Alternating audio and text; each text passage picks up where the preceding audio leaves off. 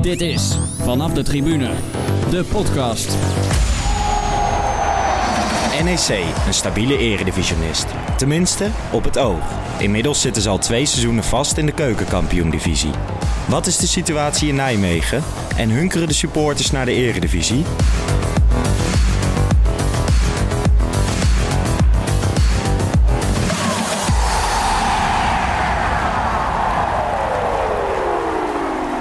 Yes, Jeroen, daar zitten we weer.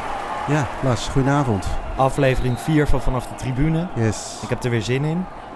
Jij? Ja, 100%. We zitten niet uh, zoals normaal in de studio van FC Afkikken.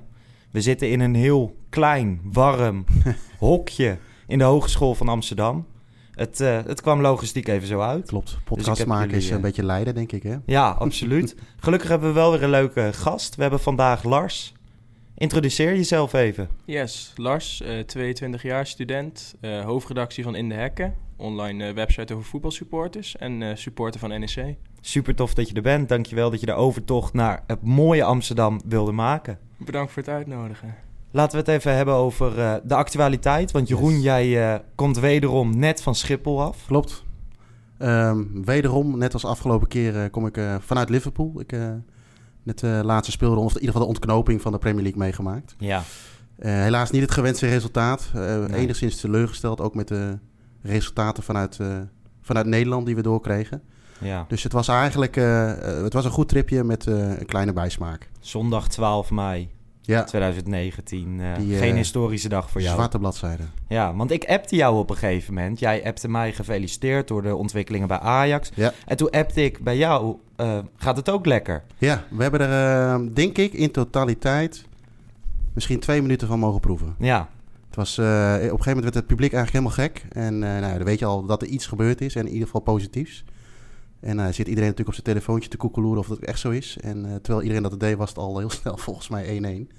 En dan hoor je ineens de 1-2 en dan weet je eigenlijk al wel van dit gaat heel ja. lastig worden. En dan word je met 97 punten word je tweede.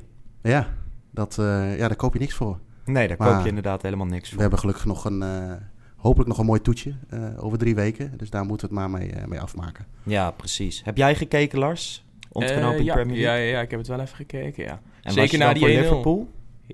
Ja, of jawel. Nee, City dat is niks. City, die, dat gun ik het niet. Nee, en nu krijgen ze waarschijnlijk allebei de prijs die ze liever om niet zouden wilden. wisselen. Ja, ja. ze, City wil de Champions League, ja. Liverpool het kampioenschap. Ik kan me nog uh, de kerstborrel van uh, FC Afkik herinneren. Toen werd de vraag ook aan mij gesteld van... Uh, wat zou je het liefste willen? Champions League of kampioen? Ja. Nou, dat was vooral het laatste. En, maar ja, goed, dat, dat kan dus nu helaas niet meer. En bij City is het inderdaad net andersom. En dus als we zouden om kunnen gaan, dan zou ik het graag doen. Ja. Nou ja, dan krijg je de dooddoener volgend jaar weer een kans, hè? ja. Misschien een keer voor de 100 punten gaan. Nou, ik denk dat je dat bijna wel nodig hebt als je elkaar zo loopt uit te halen. Want je, je tilt elkaar, en dat is in de Eredivisie natuurlijk ook zo, naar een bepaald niveau. En uh, ik denk dat dat bijna wel moet als, als, uh, als City zo blijft presteren. Want dat is natuurlijk ook, hè, het is, uh, je hebt gewoon twee terechte kampioenen, laten we daar heel duidelijk over zijn. Maar ja, het is, volgens mij is dat bijna niet te doen. Nee, zolang, zolang Guardiola daar nog zit, dan blijven ze het in de competitie wel zo goed doen. Ja. Dan kom je bijna niet langs. Nee. Nou ja, we gaan het meemaken. Een tweede uh, nieuwtje dat ons bereikt heeft via In de Hek eigenlijk... is een uh, wat treuriger bericht. Henk Cornelissen, medesupporter van jou, NEC, ja. Is overleden. Ja, 51 jaar. En, Toch nog uh, veel te vroeg. Ja, hij werd ziek, las ik in het artikel van jullie. Ja, ja twee maanden terug, of nou nu tweeënhalf. Uh, last van zijn buik, last van zijn been. Dus hij dacht, nou, zweepslag of zo. Ik ga toch maar eventjes naar de ja. dokter. Ja, dan krijg je daar gewoon te horen kanker. Aflopende zaak. Ja, ja, bizar. Ja, dat is echt... Uh, want hij was volgens mij, als ik het goed heb, net weer vader geworden. Oeh. Hij had een maagverkleining gehad. Hij had zeg maar... Uh, hij had het net weer een beetje op de rit. Ja. Ja, dan krijg je zoiets te horen. Ja. Nee, toen uh, twee maanden later, twee weken terug nou, thuis tegen Twente. Dat zou dan zijn allerlaatste wedstrijd al, al zijn. Ja. Was al bekend. Hebben ze met het ziekenhuisbed hebben ze hem erheen gereden. In zo'n skybox heeft hij toen gezeten. Ja, dat was heel, heel emotioneel, moet ik zeggen. Ja, vriend van de show van FC Afkikker, Randy Wolters, kwam na de wedstrijd ja. nog een uh, shirt brengen. Ja, heel netjes moet ik zeggen. Want uh, in principe, ik vind zelf dat eigenlijk hoor je daar als hele selectie even heen te gaan. Ja. Want dat is natuurlijk een man die gaat dan naar NEC toen, toen hun allemaal nog niet eens geboren waren natuurlijk. Dan is wel het minste wat je kan doen, is na de wedstrijd er even heen gaan. Maar Ja. dat is dan Randy Wolters is de enige die nog even de tribune op is geweest. Shirtje gegeven, een paar woorden gezegd. Kende jij hem goed? Was hij bekend binnen de club? Nou, ik ken hem persoonlijk niet, maar het was wel een bekende naam binnen Ja. de club. Zeg maar binnen de HKN, de Hazenkamp Nijmegen. Wat van vroeger uit echt de fanatieke groep van NEC is, was hij wel een van de bekendere namen. Ja, het maakt voetbal ook wel eh, mooi, hè, het supporterschap. Op het moment dat zoiets gebeurt en een Ja. prominente supporter krijgt te maken met een ziekte of komt te overlijden of zo, dan meestal wordt er wel wat geregeld vanuit, nou ja, de club of vanuit de harde kern. En dat was in deze ook. Ja, heel Ja. verbindend was dat. Ik heb het was, filmpje eh, gezien en het is echt indrukwekkend om te zien. ja, ja, en eh, vanuit Twente ook netjes hadden ze een doek gemaakt. ja, Het sterkte erop vond ik heel, heel netjes eh, van hun. Want dat Ja. hoef je in principe natuurlijk ook niet te doen. Maar daar hebben ze dan zelf voor gekozen. En dan inderdaad in de twaalfde minuut eh, een minuut lang applaus. Nou, dan heb je wel eh, heb je het kippenvel wel over je rug lopen, ja. ja. Geloof ik graag, ja. Nou ja, iedereen die eh, Henk Cornelissen kende of enigszins met hem te maken had, eh, sterkte de komende tijd, gecondoleerd. En ehm, ja, wij gaan hier door. Zo hard is het leven. Want eh, wel iets leuks was FC Emmen. Gisteren eh, hebben ze zich veilig gespeeld. Ja. Deze week. Niemand had het verwacht. We hadden een aantal ge- weken geleden hadden we Arjan zelf in de podcast Ja, van de Brigata Fanatico. die was natuurlijk in extase. En ehm, die bus komt terug. Heel Emmen staat vol. Pyro, feest. en het is die jongens wel gegund. ja zeker. zeker. Ik denk dat we met hem ook een hele leuke eerste gast hadden. En ook hoe hij daarover vertelde, dan krijg je er gewoon echt wel sympathie voor. Eh, en dat je, dan hoop je ook dat zo'n club het gewoon haalt. Zeg maar. Ja. Het is natuurlijk ook een beetje klein duimpje zeg maar, in een eredivisie voor het eerst. En dan, dat je dan meteen handhaaft is natuurlijk fantastisch. Ja, inderdaad. Nu is het wel zo. Nu moeten ze of echt doorpakken, weet je wel. Of je wordt op een gegeven moment, word je zoals, eh, zoals Excelsior... dat iedereen op een gegeven moment maar zegt van... daal dan maar weer af. Ja, ja. Als je niet doorpakt. Maar goed, voor nu, het is er gegund. Ja. Arjan gefeliciteerd. De rest in Emmen gefeliciteerd. Laten we doorgaan naar de Griekse bekerfinale. Dat was een heel apart fenomeen. Heel obscuur. Beide ploegen, AJK en Paal, kregen allebei maar iets van 150 kaarten. Nou ja, dat is natuurlijk al bizar in zo'n groot eh, stadion. De bond zelf had maar 600 kaarten. Eh PAOK supporters hebben ook weer een aantal van die kaarten in, de, in handen gekregen... waardoor het alsnog uit de klauwen liep. Het is toch bizar dat er in Griekenland kan er gewoon geen normale voetbalwedstrijd gespeeld worden. Nee, ik denk niet alleen een voetbalwedstrijd. Ik denk dat eh, ook wel beelden van, eh, van de basketbal bijvoorbeeld bekend zijn. Als, Ja. als maar een van die clubs eraan gelieerd is, dan wordt het gewoon één groot gekkenhuis op een of andere manier. Dus dan begrijp je ook wel bijna waarom men maar weinig kaarten krijgt. Maar dat, ja, op een of andere manier zit daar toch een, een soort van fanatisme in wat, eh, wat moeilijk te behandelen Ja, is. bizar. Er zit echt, echt heel veel passie daar. Maar ja, dat heeft natuurlijk niet geholpen dat ze dan met die crisis en zo... en dat het, als het zo slecht gaat in een land... dan wordt dat voetbal wordt natuurlijk nog, nog veel fanatieker. Ja, Ja, En dan pakken ze dat basketbal nog erbij. ja. Ja, dan heb je een club of vijf die allemaal... als één van vijf bij elkaar op bezoek komt... dan is het gegarandeerd gekkenhuis. Nou ja, ik zeg heel snel van het heeft wel wat binnen voetbalsupporters... maar dit vind ik dus echt helemaal niks hebben. Nee, ik, ik ben zelf een keer, eh, wauw, het was 2004 bij Panathinaikos geweest met, eh, met PSV. En dat heeft wel indruk op mij gemaakt. Hè. Die wedstrijd ging er helemaal nergens bij, want het was ook in het oude stadion. Maar toch, ja, weet je, je loopt er toch een beetje rond van eh, wat, wat, wat, wat kan er gaan gebeuren. Ontzettend fanatiek. En eh, ja, op tv ziet het er leuk uit, maar ik had af en toe wel even momentjes dat ik dacht, hmm. Dus, eh, maar ja, ik, ik heb ook een beetje mixed feelings. Sowieso denk ik dat... eh, eh, bijvoorbeeld een Michael van Praag er helemaal niet naar moet kijken. Zeker in, in de basketbal Nee, al dat niet. denk ik ook niet. Nee, dat lijkt me sowieso een goed plan. Die moet heel Oost-Europa maar mijden, denk Ja. ik. Ja. Ja,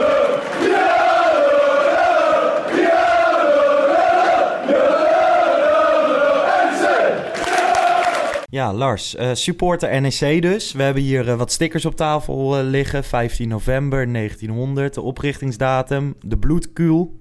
Zo wordt de Goffert genoemd, Zeker. bijnaam van de Goffert. Hey, hoe ben jij voor NEC geworden? Ja, dat was niet een hele voor de hand liggende keuze, moet ik zeggen. Waar ik vandaan kom, dat is Zevenaar, is in principe Vitesse-gebied. Dus, maar gewoon, ik was zes. Toen ik dat in de goede tijd nog van NEC met Johan Neeskens. Toen keek ik op teletext. Toen zei ik, eh, ik ben vanaf nu voor NEC. gewoon zomaar. Mooi. Dus mijn moeder zei, nou, die dacht, nou, die zegt wel vaker dingen. Dat, eh, die zes, die moet je niet zo serieus nemen. En een jaar later, ik zat eh, vanuit huis uit heb ik Ajax meegekregen, zat ik bij de kidsclub. Toen mocht ik eh, aan de hand van een Ajax-speler dan het veld op. En dat was bij NEC Ajax. Dus dat was dan mijn eh, allereerste voetbalwedstrijd. Uitverkochte Goffert, 13.000 man. Ja, toen had ik geen andere keus meer eigenlijk natuurlijk. Je was verkocht. Ja, aan de hand van een Ajax-speler. En welke Ajax-speler was dat? Lobond, de Lobond. keeper. Bogdan Lobond. Wie Ja. kent hem niet? Ja. Ja, ik dacht, eh, ik kies de keeper. Dan heb ik een ander kleur shirtje aan. Dan ben ik goed te zien op de samenvatting. Kijk. En dat was ook dan zo. mocht je een beetje dat zelf was ook kiezen. zo. Ja. Wat goed. Nou, super tof. En ehm, daarna, je zei de laatste jaren is het wat fanatieker geworden. Ja, NEC. zeker, zeker. Het is altijd een beetje op afstand geweest. Want zoals ik zei, ik eh, woon nu 22 jaar in Zevenaar. Ik ken Ja. niemand die voor NEC is. Het is Vitesse of het is Ajax, Feyenoord, PSV, zoals elke stad. En eh, één dorp verderop is het de Graafschap. Maar niks NEC. Dus als je dan gaat, dan moet je weer eh, vrienden maar zien te overtuigen. Nou, is dat makkelijker als je eredivisie speelt dan dat je zegt... eh, kom, we spelen toppos uit, eh, ga een keertje gezellig mee. Ja, dat is Ja. waar. En eh, daar heb je het nu ook wel over. Want ja, je zal vaak zitten in de hoek waar de klappen vallen. Ja, ja, die eerste seizoenshelft vooral is niet, eh, niet de allerleukste geweest. Want ik ben een eh, tijdje heb ik in het buitenland gewoond. Ja. En eh, dat, was vorig jaar ook. Dus toen ik terugkwam was NEC anderhalf jaar lang thuis ongeslagen. En de eerste wedstrijd die ik ging was NEC Eindhoven 0-1. Daarna NEC Fortuna 2-3. En toen NEC Os 1-5. En toen hebben je vrienden je weer op het vliegveld gezet. Ga maar terug. ja, Doe het maar niet meer.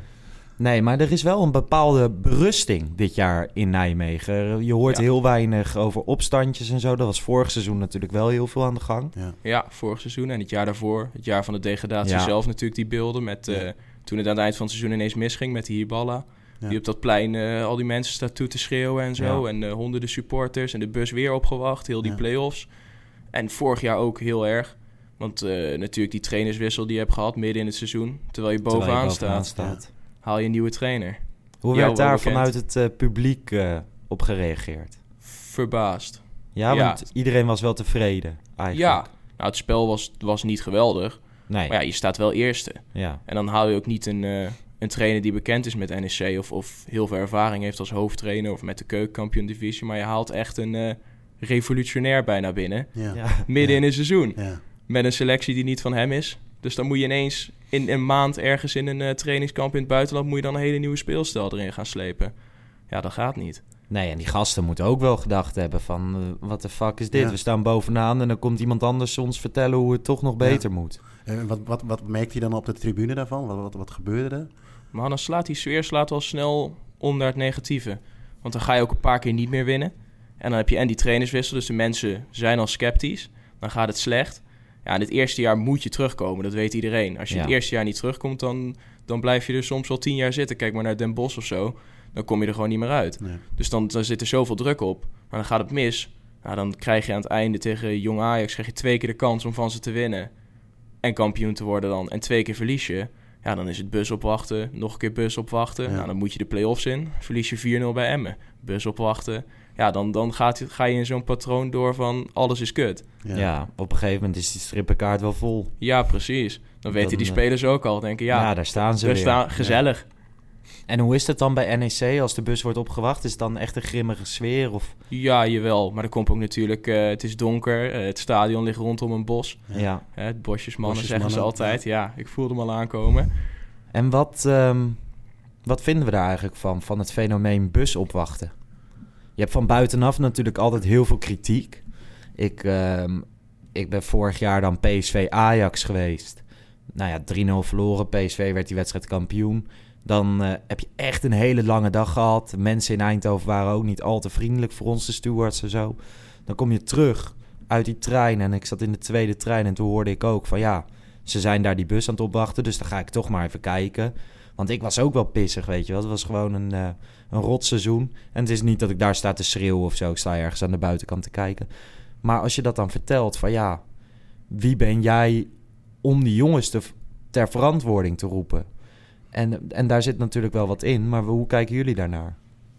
Ik denk dat, de wissel, dat er ook een stukje wisselwerking is natuurlijk. Dat je eh, op dat moment eh, denkt van... eh ja, werk eens een keer wat harder voor je geld. Dat is de meest emotionele reactie die je op dat moment kunt Ja. geven. Ehm, ik heb me ooit een keer herinnerd dat Coët verloor met 8-0 bij Dordrecht. Nou, dan wil je gewoon even je frustratie uiten. En eh, een, een, aantal mensen moet dat op deze manier doen, denk ik.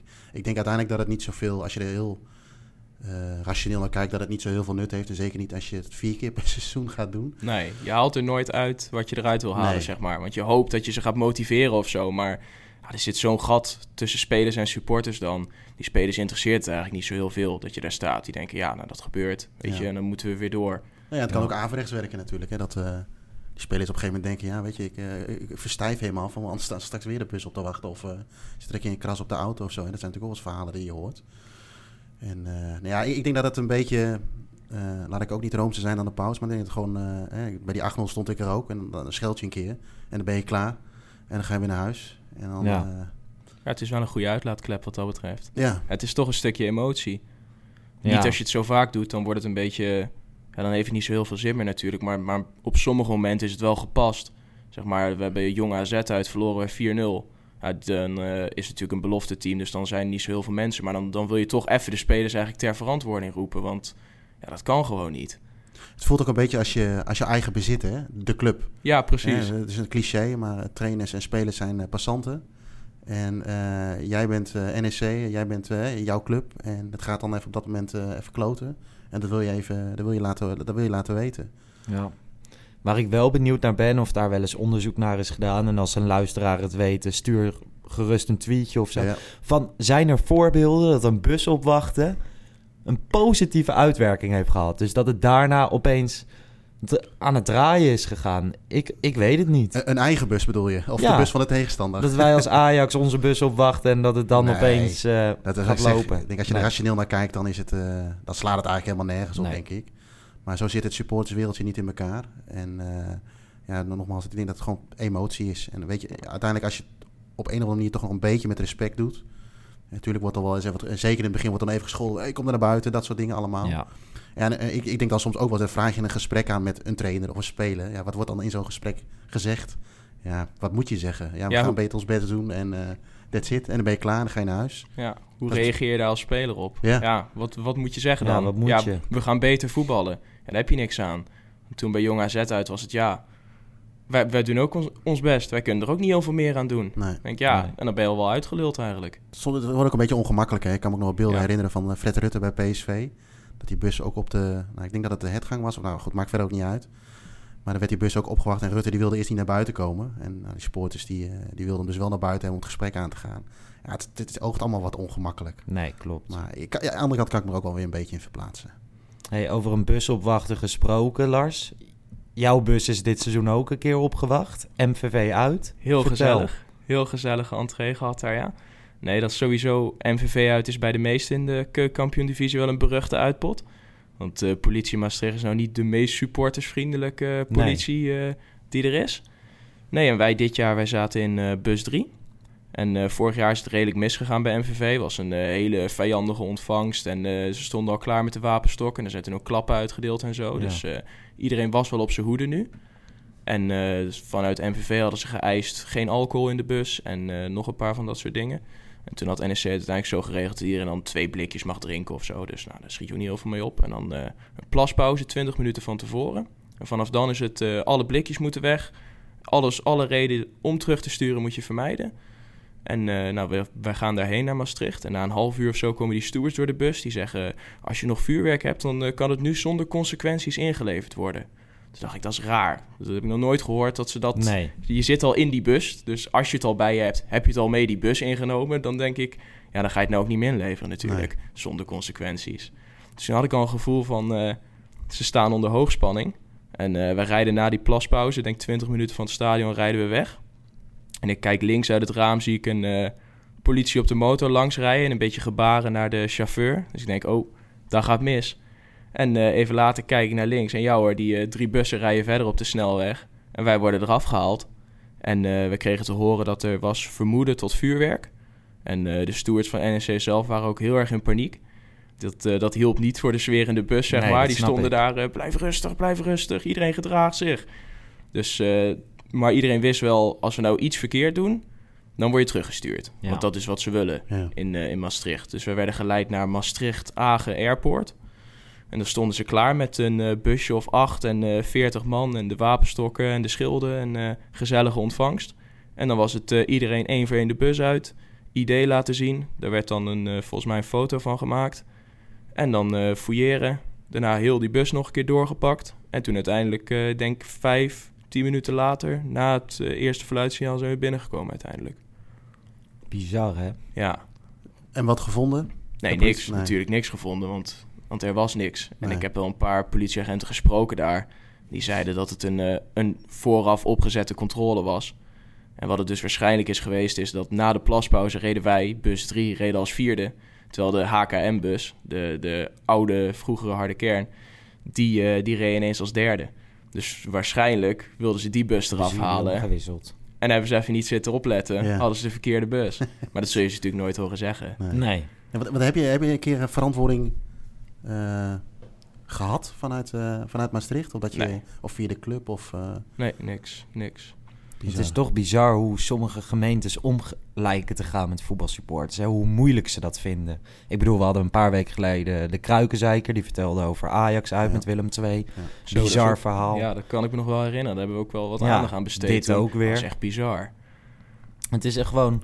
Als je gewoon normaal omgaat met voetbalsupporters... en pas in gaat grijpen als het misgaat. Natuurlijk, je wilt voorkomen als je echt signalen hebt.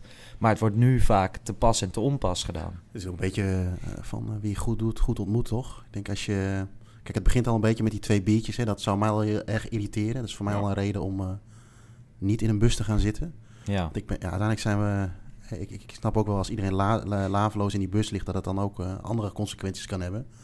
Maar volgens mij eh, zei de Kruikenzeiker dat de vorige keer ook zo mooi. We zijn allemaal volwassen. En moet je mij niet gaan vertellen dat ik maar twee biertjes mag drinken. Ja. Ja, ik ben aan het begin van dit seizoen ben ik naar Standaard Luik Ajax geweest. En dat was een busreis van vier uur. Was op de allerwarmste dag ooit. Hier in Nederland gemeten. 38 graden of zo. Vier uur durende busreis. Geen pauze kregen we. Dus echt nul. En ehm, iedereen kreeg één pakje Capri Sun. ja, en een, eh, weet je wel, zo'n heel warm broodje ham. Ja. En toen kwam je daar aan in dat stadion en iedereen had natuurlijk dorst. Kon je ook alleen contant betalen. En ik had geen contant geld bij me. Dat doe ik dus nooit meer bij een uitwedstrijd. Maar gelukkig kon ik hier en daar wat lenen. Maar dat vond ik ook bizar. Je voelt je gewoon behandeld als echt een stel, stel apen. Ja, ja maar dat, dat, dat is het ook. hè. Je hebt het stickertje van voetbalsupporter. En dan ook nog vaak het stickertje misschien van de voetbalsupporter in de jaren 80 en 90. Ja, En dat, die tijd is al lang weg, joh. En want als je kijkt hoe vaak het nou nog echt, echt misgaat, valt dat echt heel erg mee. Ja. Zeg maar, en er zeker bij uitsupporters, hè? Ja. Als het al misgaat, gebeurt het buiten wedstrijden om. Ja. Ja, of thuissupporters. Ja, precies. Maar uitsupporters, je kan ook geen kant op. Dus er kan ook niks misgaan of zo. Maar dan denk ik altijd van, ja, waarom sta ik dan zo heftig onder controle? En dan zit ik hier bij 38 graden met één pakje Ja. Ja. in de bus. Ik moet ook zeggen, volgende keer dat standaard uit op het schema staat... eh, denk ik dat ik even oversla, want dit... eh, dat was niet normaal, maar goed. En het blijft voor je gezelligheid eigenlijk. Je Ja. hobby, iets wat je leuk Ja, vindt, weet je wel. En zo is al het plezier is eruit. Ja, Klopt. nee, helemaal waar. Hey, wat ook eh, plezier weggehaald is het ontbreken van jullie derby. Ja, Want NEC Vitesse is toch een van de mooiere derbies van Nederland. dat ja, denk het wel, ja.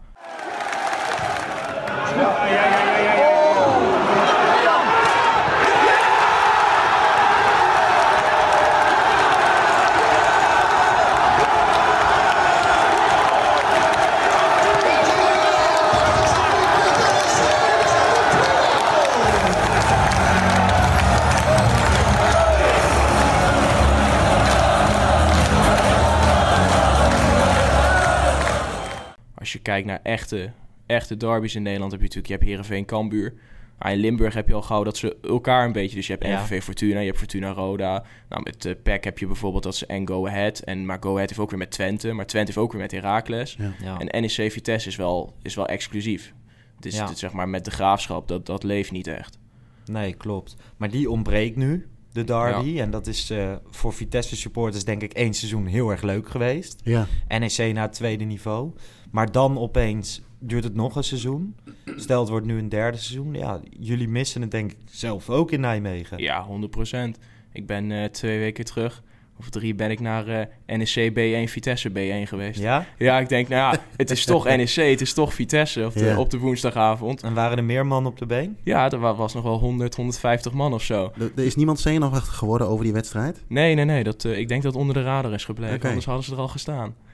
En het is ook allemaal gewoon normaal gegaan. Ja, dat is gewoon prima verlopen. NEC gewonnen? Ja, 3-1. Dus Kijk. toch nog een derby-winst eh, dit seizoen. Ja. Ja. Want hoe leeft dat onder de supporters nu je geen derby hebt? Of eh, zijn jullie de wedstrijd tegen Os al meer als derby aan het benaderen? Nee, nee, nee, de rest, nee, dat kan echt niet. Tegen ons niet. Ja, dat soort potjes zijn nog wel leuker omdat het kort reizen is. Zeg maar, dat Ja, maakt nog wel dat je zegt van, nou ja, het is beter dan dat je twee uur bezig bent om naar, eh, naar Leeuwarden te gaan. Maar Ja. nee, daar leeft verder helemaal niks. Het is, het is gewoon Vitesse en dat zal het ook altijd blijven. Ja. Want wat maken die wedstrijden tegen Vitesse zo mooi? Ja, alles. Zeg maar, want het, het ligt ook, je hebt heel veel grensgebieden tussen Nijmegen en Arnhem. Zeg maar, gewoon hele steden die in principe gehalveerd zijn. En het is, Gelderland is natuurlijk een redelijk grote provincie. Ja. En de Graafschap heeft dan meer zijn eigen hoekje. De Achterhoek, dat is de Graafschap, dat weet iedereen. Maar verder is gewoon Gelderland, is NEC, het is Vitesse. Het is gewoon de strijd om een provincie. En die vaak wordt gewonnen door Vitesse de laatste jaren. Ah, wellicht. Ja, maar ja. jullie hebben volgens mij eh, thuis een redelijke run tegen Vitesse gehad. Ik ben Ja, in het verleden het- nog wel eens een paar keer op bezoek geweest bij NEC Vitesse. Dat vond ik dan leuker dan Vitesse, Vitesse NEC. Maar Hij zegt nek. Mag Ja, ik dat? sorry. Nee, ik ben niet Ik, zo eh, gevoelig daarvoor. hoor. niet eh, gooien met Maar de het is wel schelden in Ja, de ja, Het is wel een dingetje, inderdaad. NEC, Vitesse. eh, ik, dat vond ik altijd wel de leukere wedstrijden, zeg maar, dan, dan andersom. Maar volgens mij hebben jullie toch wel een tijdje gehad dat je thuis niet verloor van Vitesse. Ja, het is al een jaar of... eh, nou ja, in de tijd die gespeeld is, volgens mij al 10, 15 jaar niet voorgekomen... dat een van beide clubs uit en thuis heeft gewonnen in één seizoen. Nee, Dus dat is toch wel een dingetje. ja. Ondanks dat Vitesse natuurlijk veel meer geld heeft. Ja. En het is ook leuk hè, om te winnen van de grote buurman, zeg maar. Als je, NEC gaat altijd als underdog die wedstrijd Ja, in. tegenwoordig wel. Sinds ja. de overname. Ja, Ja. ja. tegenwoordig ben je in principe altijd de underdog. Dus dan heb je niks te verliezen, zou je zeggen. Maar Vo- Voelt dat ook zo dat je de underdog bent? Ja, in de, in, ja, als je het feitelijk bekijkt wel, ja. Maar qua club blijft dat toch lastig. Want, want ik zou het nooit een grote buurman eh, noemen of zo. Nee. Ja, zo zie ik het dan van buitenaf. Omdat Ja, ze nu wat geld hebben en zo. Ja. Maar hoe kijk jij dan naar Vitesse en met al die buitenlandse spelers die ze toen hadden? En nu hebben ze op zich wel weer gewoon een Nederlands team, toch? Maar hoe Ja. kijk jij naar Vitesse? Ik, eh, nou het liefst niet. Maar eh, hey, zoals toen zij die bekerfinale speelden. Nou ja, ik kom dan dus uit Zevenaar. Daar woont heel veel Vitesse. Dus heel mijn Ja. Facebook. Alles stond vol met mensen die onderweg waren naar de Kuip. Toen heb ik tegen mezelf gezegd. Je bent voor NEC. Je bent niet tegen Vitesse. Je gaat het ze niet misgunnen. Ja, toen scoorde die van Wolfswinkel. Ja, ik alleen maar lopen schelden. Ja, Dus ik had mooi. zo mijn best gedaan. Ik denk, ik ga me niet. Je bent voor NEC. Maar ja, toen scoren ze, winnen ze die beker. Ja, daar ben ik nog steeds jaloers op natuurlijk. Ja, natuurlijk. Ja, Ja, snap ik snap ik. Ja. Oké. Hey, ehm, elke week een terugkerend item in eh, onze podcast is het jouw verhaal, Jeroen. Yes. Ik weet wederom niet waar je het over hebt geschreven, maar hopelijk eh, gaat het over een eh, leuker onderwerp dan vorige week. Want toen had je het over positieve ontknopingen van. PSV ten opzichte van Ajax. Ja. Maar ehm, ja, pak het moment. Het is weer zover. De play-offs met als doel promotie of handhaving. In, een kort tijdsbestek gegarandeerd een rollercoaster aan emoties. In 1992 heette het gewoon nog de nacompetitie. Die editie was mijn eerste die ik echt bewust heb meegemaakt als supportertje van Go Ahead. Supportertje inderdaad. Ik was op dat moment bijna 12 jaar oud. Door een pool te overleven met Heracles en NAC haalden we de finale tegen Den Bosch. Op het shirt van de Bossnaren prijkte nog de sponsor Scala. Zomaar even in detail wat mis bijgebleven. Ik herinner me dat in de heenwedstrijd aan de Vetkampstraat ik met mijn vader op de hoofdtribune stond. Zitten was door de drukte niet meer mogelijk. De beentjes werden op de proef gesteld op de trap aan de zijkant van de hoofdtribune. Omdat ik nog niet volledig uitgegroeid was, moest ik door een wirwar van mensen steeds een glimp op te zien vangen van bijvoorbeeld Paul Bosveld, Marco Hering of mijn jeugdheld Harry Buisman. De return gingen we in met een 1-0 voorsprong. Helaas zorgde een vroege rode kaart voor Maaskant ervoor dat het een Mission Impossible werd. Met 3-0 gingen we eraf. Gelukkig was er nog een vangnet. Promotie-degradatieduels tegen FC Den Haag. Dat, dat was wat hoor. Den Haag op bezoek. De eerste wedstrijd was in Deventer. Met mijn beste vriend stond ik op vak H achter de goal. Volledig vastgeklampt aan het hek. Niet alleen van de spanning, maar ook van wat er allemaal gaande was in het stadion. De gehele dag was het al een chaos in de stad. Het was mijn eerste ontmoeting met rellen rondom het voetbal. Spannend, ook wel een beetje eng, maar toch ook stiekem wel erg nieuwsgierig. De chaos in de stad werd tijdens de wedstrijd voortgezet in het stadion. YouTube en bijvoorbeeld de documentaire over Theodor 3 zijn hier mooie ooggetuigen van. We fantaseerden al over een staking en een reglementaire 3-0. Promotie kon ons dan niet meer ontgaan. Dat was gelukkig allemaal niet nodig. Coët won zelf met 3-0. Een aantal dagen later stond de return op het programma. Het werd niet aangeraden naar Den Haag te gaan in verband met de veiligheid. Een kleine groep ging toch en heeft nu terecht nog steeds iets om over te pronken. De wedstrijd zelf werd ook nog uitgezonden in Deventer op een groot scherm in het stadion. Verboden gebied voor mij volgens mijn ouders, want het was immers die dag ook mijn verjaardag. Halverwege deze verplichting streken mijn ouders na veel gezeur over hun hart. Ik mocht toch naar Deventer. Zittend op het veld zag ik Alfons Arts in een van de mooiste uitshoots ooit de 0-1 scoren en dus ook de promotie uiteindelijk verzegelen. Dit jaar zijn we weer present. En wat mij betreft, zoals de Engelsen mooi kunnen zeggen, up the Football League we go. Dat Den Bosch zondag maar het eerste slachtoffer mag worden. Yes, FC Den Bosch, de allereerste tegenstander van jullie in de, in de play-offs. Ook nog. Het lijkt me een eh, bizar fenomeen. Ja, weet je, we, als Ajaxie ben ik natuurlijk niet echt bekend met de play-offs. En, maar toch heb ik elk jaar van, ja, dat vind ik de leukste wedstrijden van het jaar. En dan niet die om Europees voetbal, daar vind ik echt gereed aan. Maar die om promotie-degradatie, daar ga ik altijd lekker voor zitten. Ja. Hoe zien jullie dat? Ja, eens. Ja, daar kijk je echt al wedstrijden naar uit. Want voor jou is het ook nieuw, eigenlijk. Ja, ja relatief. Ja, de afgelopen jaren dan, eh, dan altijd misgegaan eigenlijk. Twee keer gedegradeerd Ja. eh, via de play-offs. En één keer niet gepromoveerd via de play-offs. Dus eh, dit jaar hopelijk beter. Maar nee, dat zijn de wedstrijden waar je het voor doet. Dan kan alles. Lekker uitdoelpunten tellen ineens. En, Ja. en door de week moet je dan ineens naar Waalwijk en zo. Ja. En dit jaar bij jullie was het best spannend of jullie het überhaupt gingen halen. Lang, lange tijd zei je, nou ja, NEC gaat zelfs de play-offs missen. Kijk naar een rode JC. Ik had de hoop eh, opgegeven. Na Jong AZ uit, 4-0. Toen was er nog zes wedstrijden te gaan. Toen, eh, toen dacht ik, nou, dit wordt hem niet. Weet je, je hebt nou drie, drie keer op rij verloren weer. Dit eh, is goed zo, we schrijven het seizoen af en eh, we proberen het volgend jaar weer. Ja, dan win je er weer vijf op rij. Ja. En dan ineens sta je er toch weer in. Want met dat systeem kun je, de- je kunt de play-offs bijna niet mislopen. Als je elfde wordt, dan Nee, haal je nog steeds. Nee, dan heb je sowieso drie jong teams die je dan inhaalt. En, eh, maar dat is misschien ook wel het mooie aan de eerste, of ik zeg het nog steeds eerste divisie. En. Maar is in dat je een goeie, als je een goede run draait, speel je gewoon na competitie. En dan hoef je nog niet eens een periodetitel te winnen. Maar wat, je- wat jullie nu gedaan hebben, dat is denk ik ideaal. Dan ga je heel lekker de play-offs in. En eh, daar kun je alleen maar baat bij hebben, denk ik. ja, Want jullie spelen tegen RKC nu. RKC. Eerste wedstrijd 2-0, morgen de tweede. Nou ja, laten we er niet te veel over uitweiden. Maar het lijkt erop dat het eh, wel goed zit. Ja. En eh, daarna? Daarna zou dan voorlopig, het wordt sowieso de nummer 16. En eh, nou Excelsior 5-4 heeft gewonnen bij Heracles, is dat eh, Excelsior. Anders zou het de graafschap geweest zijn. Excelsior is wel in jullie voordeel. Qua voetbal wel, denk ik. Hebben we zelfs al gewonnen dit jaar voor de beker. Ja, 3-2 na verlenging. Eh, dus de graafschap was leuk geweest qua afstand. ja. En Excelsior qua haalbaarheid. Ja. oké. Nou ja, ik hoop dat, eh, dat NEC het haalt. En de, de Eagles? Den FC Bosch. Den Bosch? Ja. Ehm, ik heb er zelf niet zo eh, heel veel vertrouwen in. Nee. Maar er zit er meer in dat wij eigenlijk net de andere weg van eh, wat NEC gedaan heeft. Ik heb het gevoel dat we de laatste tien wedstrijden eh, twee punten gehaald hebben. Misschien is het ook wel zo, ik weet niet eens meer. Maar gewoon, weet je, het is wel een beetje het, het toetje van het seizoen. Ik denk dat je altijd een beetje stukje, eh, of dat je altijd een stukje aan klantenbinding kunt doen. Gewoon eh, positief afsluiten, of je nou wel of niet promoveert. Ja, Nou ja, we hebben verschillende dingen meegemaakt. We zijn een keer gedegradeerd, eh, gepromoveerd, net niet gepromoveerd.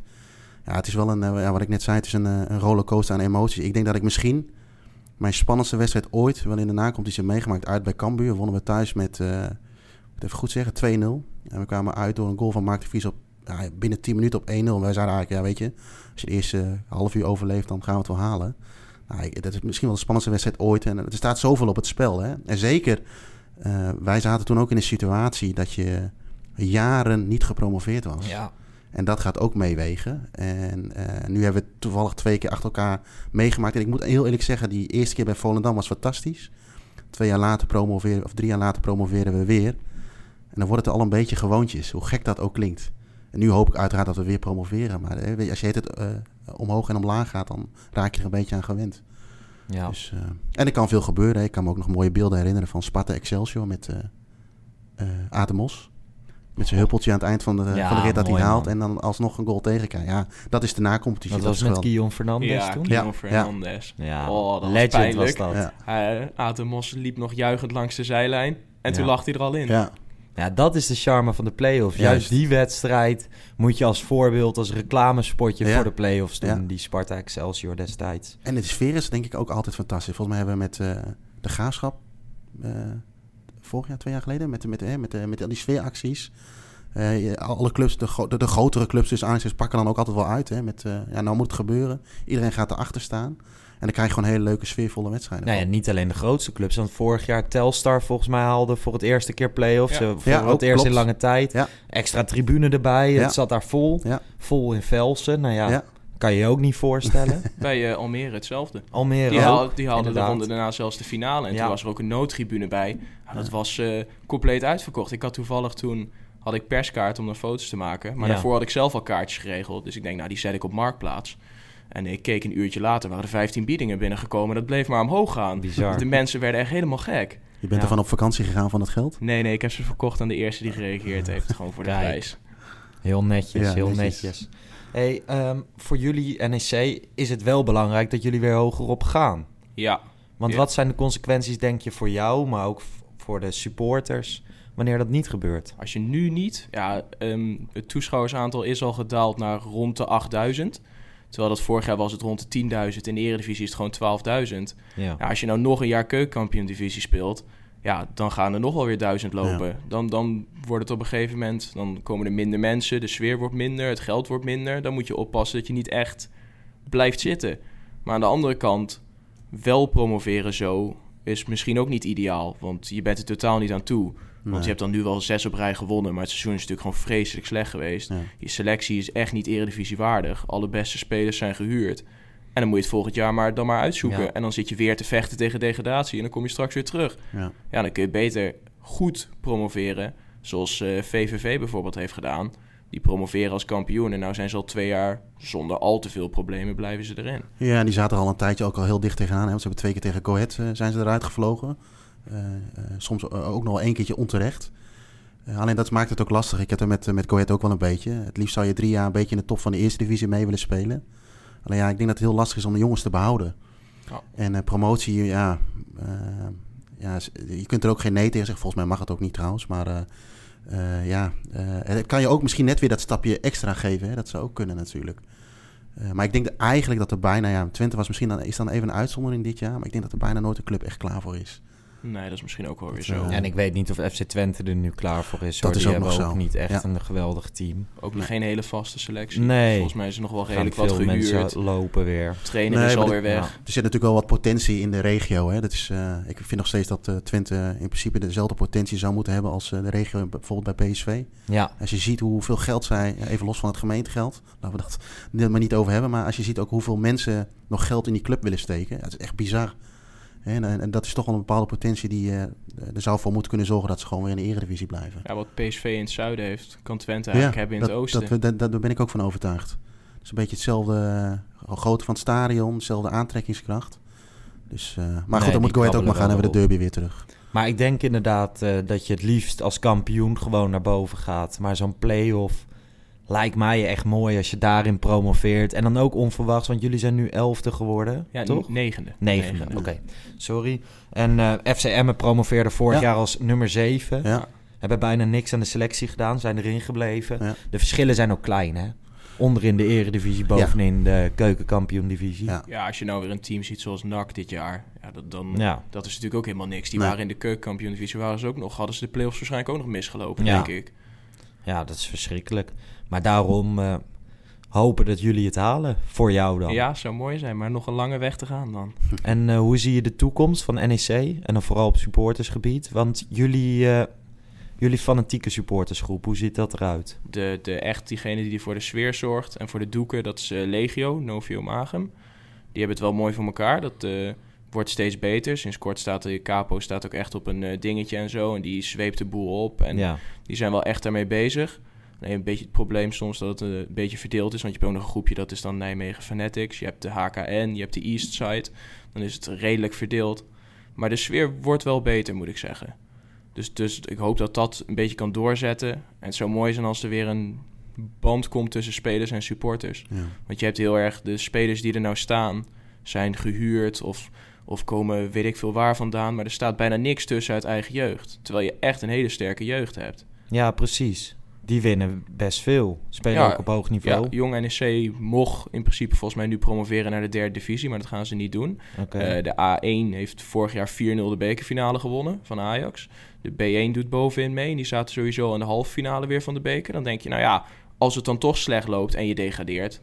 gooi dan de dure spelers er maar uit. Ja. Zet de Ja. jeugd er maar in. En dan, dan vinden de supporters het ook al een stuk minder erg... mocht het dan kut gaan. Want het zijn wel je eigen jongens. Ja. En wat is nu een beetje de... Heb je jongens uit Nijmegen en omstreken in het eerste elftal lopen? Nu? Ja? Nee, nee, niet echt. En wat is een beetje de favoriete speler op de tribunes? Eh, Randy Wolters is populair. maar dat heeft niet eh, per se te maken met hoe goed hij voetbalt. Nee. Dat is meer qua persoonlijkheid. En verder, eh degene waar het meest positief over gesproken worden, zijn allemaal huurlingen. En die eh, Mike Tresor en Diashime, die is, eh, die is wel redelijk populair. Dat is wel een leuk talent. Die scoorde ook af Ja. tegen RKC. Ja, die scoorde Ja. tegen RKC inderdaad. En verder is het veel de roep om wisselspelers. Ze hebben die eh, Sabak bijvoorbeeld, die zit er al heel het seizoen bij. Mag altijd warm lopen, valt nooit in. Ja. Die sturing heeft dan nu een paar keer minuten gehad. En weet je dat die spelers er wat vaker in komen. Ja. En niet meer... Ja, Van Eijden kan eigenlijk niet meer. Van de Berg kost waarschijnlijk echt heel veel. Ja, en dat is die gewoon niet waard. Ja. dan de rest is huurling. Druif is een huurling. Bruin, die doet het heel goed. Die gaat Heerenveen gaat hem sowieso terughalen. Die hebben zijn contract al verlengd. Brandenhorst is gehuurd.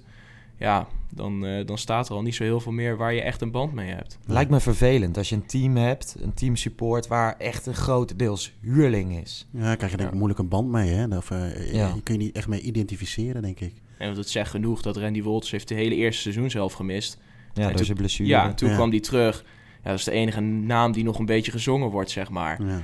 Dus dat zegt al genoeg dat iemand die en nieuw is bij de club en een half jaar gemist heeft, dat dat al bijna de populairste speler is. Ja. Want, hoeveel doelpunten heeft hij gemaakt, assist of amper? Twee doelpunten, allebei tegen Helmond Sport. De trotse nummer 20 van de keukenkampioen-divisie. Terwijl Nou, je dan aan de andere kant heb je de Okita lopen. Ja. Die staat op 15 goals, 7 assists. Ja. Als ik dat zeg, dan zeggen jullie, Dat moet een favoriet zijn, toch? goed seizoen gedraaid. Vinden ze helemaal niks. Nee? Vinden ze bij NEC helemaal niks. Want die is te lui, te gemakzuchtig. Een beetje zo'n flegmatieke speler. Ja. Daar houden ze niet van. Ze Ja. willen werkers zoals... Ja, want Randy Wolters is wel lekker fel en dan zit hij er goed op. En Ja. dat vinden de mensen geweldig. Opstootje hier, ja, opstootje opstootje daar. daar. Een keertje even de handjes omhoog, weet je wel. Een beetje zwaaien naar het publiek. Een beetje precies. opzwepen. Ja, dan worden de mensen gek. En zo'n Okita is... eh, volgens mij is die Frans-Duits. En dat eh, heeft niet echt een band met de supporters. Maar ja, hij heeft wel een techniek. Ja, dat is gewoon de beste in heel de selectie. Ja. Ja, tof. Ja. Ik hoop dat jullie wel weer wat jongens uit de eigen jeugd krijgen, want dat is toch het allerleukste. Komt er wat aan dat je weet? Nou, er zit wel wat in de A1 bij. Ze hebben nou die eh Moussaba, heet die volgens mij. Die heeft nou een paar keer meegedaan. Die scoorde eigenlijk de, de, de 3-0 die in de tweede helft werd afgekeurd. Ah Schoot ja. hij erin. Ja. Dat is eigenlijk nog een Twee A-junior. afgekeurde goals. Ja, twee afgekeurde goals. Maar dat is eigenlijk nog een A-junior die nou veel minuten maakt. Nou, het zou mooi vinden als die dan gewoon doorstroomt. En dan, want slechter kan het soms toch niet. Weet je, je wordt negen in de keukenkampioen-divisie. Dat is het slechtste wat je hebt gedaan in, in 30, 40 jaar. Ja. Als je dan niet promoveert, ga dan maar gewoon echt bouwen. Ja. Nee, ik snap het helemaal. Hey, ehm, super bedankt dat jij de overtocht wilde maken naar Amsterdam. En bedankt dat je je verhaal met ons wilde delen. Ja, graag gedaan. Was, Waar, eh, was ehm, mooi. Kunnen mensen jou volgen of wil je liever dat ze in de hekken volgen? Eh, beide. In de hekken natuurlijk. Instagram, Twitter, Facebook. En ik heb mijn eigen eh, Twitter en Instagram. Dutch Groundhopper. Voor mijn eh, voetbalfoto's. Helemaal goed. Hey Jeroen, we zijn er wel. Yes. Mocht je vragen aan ons hebben, opbouwende feedback of wil je gewoon wat kwijt, stuur een tweet naar @larsjesse94 of @jh1980. We willen natuurlijk FC Afkikken bedanken. Luister ook hun eh, andere podcast. Jeroen, jij bedankt. Heel weer, Lars. En eh, tot volgende week. Tot volgende week. Ciao.